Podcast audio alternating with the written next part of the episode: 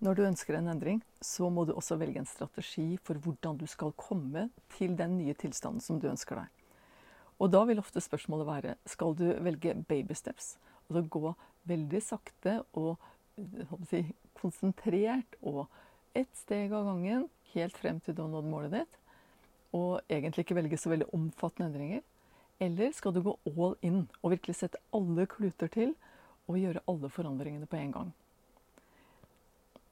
Det er eh, en del betraktninger å gjøre når du skal velge mellom disse to strategiene. For all in, dvs. Si at du virkelig setter av tid, energi, du planlegger. Du virkelig mobiliserer alt du har av viljestyrke og selvkontroll for en periode, og får resultater fort. Og da kan du tenke på det som en spurt. Nå er det nok noen av oss som har oppdaga at det har vært litt for ambisiøst å velge all in. Og sett at det som fungerer på lang sikt, det er mer å gå baby steps.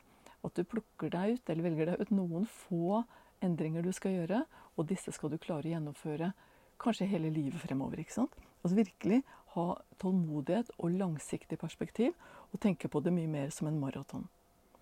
Så hva skal du velge, da? Det vil være avhengig av mange faktorer i livet ditt. ikke sant? Det vil være avhengig av hva du har av tid i hverdagen til å gjennomføre disse endringene.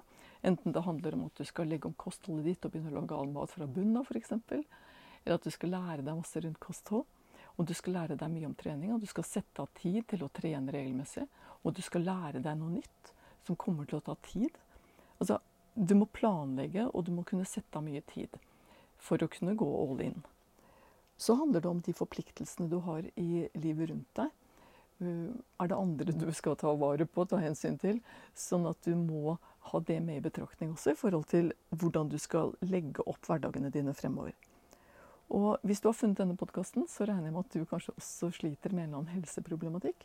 Og da vet du at jeg heter Elin, jeg driver Mindscape, og mitt fokus er å se på hvordan vi kan lage oss gode liv, skape gode liv, selv om vi har helsebegrensninger, kronisk sykdom, altså ja, utfordringer. Du, du kjenner best hva som, hva som, gjelder for deg, ikke sant? Og det kan være begrensninger som gjør at det ikke nytter bare å søke på nettet og finne masse fancy Gjør det på denne måten, gjør sånn, gjør sånn, så får du de og de resultatene. For du vet at det er kanskje ikke gjennomførbart for deg. Så da må du også finne ut av hva kan du faktisk klare å gjøre? da? Hva er realistisk, gitt de forutsetningene du har?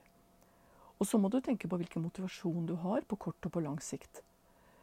Alle har vel vært der at vi skal på et eller annet event, en begivenhet, et bryllup, noe som skal skje ganske kort frem i tid, og hvor du virkelig klarer å mobilisere fordi du skal være på ditt beste da, akkurat på den anledningen.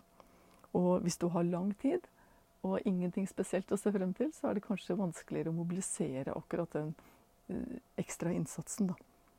Men uansett hvilke betingelser som gjelder for deg, hvilke rammer du har å forholde deg til, så er det to ting som teller for at du skal klare å nå den nye tilstanden, eller nå, det målet, være den personen du ønsker å være et stykke frem i tid. Og de to tingene er for det første at du må ha satt deg et konkret mål. Du må vite hva du ønsker å oppnå. Du må ha gjort det så konkret og så målbart at det ikke er snakk om bare en sånn ønsketenkning, men at du på et tidspunkt kan kunne si at ja, dette har jeg oppnådd. Jeg har fått den karakteren på det studiet jeg har valgt. Jeg har gått ned akkurat de kiloene jeg har tenkt å gå ned. Jeg har klart å løpe den strekningen, eller gå den strekningen, eller klare å gjøre tre knebøy. Altså, helt avhengig av hvilket mål du setter deg, så må det være skrevet ned og målbart og definert og helt udiskutabelt om du har nådd det eller ikke. Og det målet må også være emosjonelt. Du må knytte følelser til opplevelsen av å ha nådd det, og virkelig ønske å nå den tilstanden. Det må være mer ønskelig for deg å nå denne nye tilstanden enn å være der hvor du er i dag, for at du skal klare å holde motivasjonen. ikke sant? Og så er den andre faktoren som er helt avgjørende for å nå frem, det er at du klarer å definere det gapet da, som er mellom nå-tilstanden din og den ønskede nye tilstanden, og se hva er det jeg må gjøre for å komme dit. Hvilke konkrete aktiviteter må jeg gjøre på daglig basis, på ukebasis? Altså, hva må du gjøre jevnt og trutt, enten intensivt i all in eller langsomt på baby steps? Men uansett konkrete ting du må gjøre og forplikte deg til og klare å gjennomføre. For sannsynligvis har du satt deg et mål en gang før som du ikke har nådd. Og antagelig så kan du gå tilbake og kjenne at ja, jeg vet jo hvorfor jeg ikke nådde det. Det var fordi jeg ikke klarte å gjennomføre. Så du må lage da konkrete aktiviteter som er gjennomførbare, for deg i din situasjon. Så jeg håper at dette har vært litt nyttige refleksjoner rundt hvordan du skal gjøre det valget da mellom baby steps eller å gå all in for å nå de måla og de endringene du ønsker deg.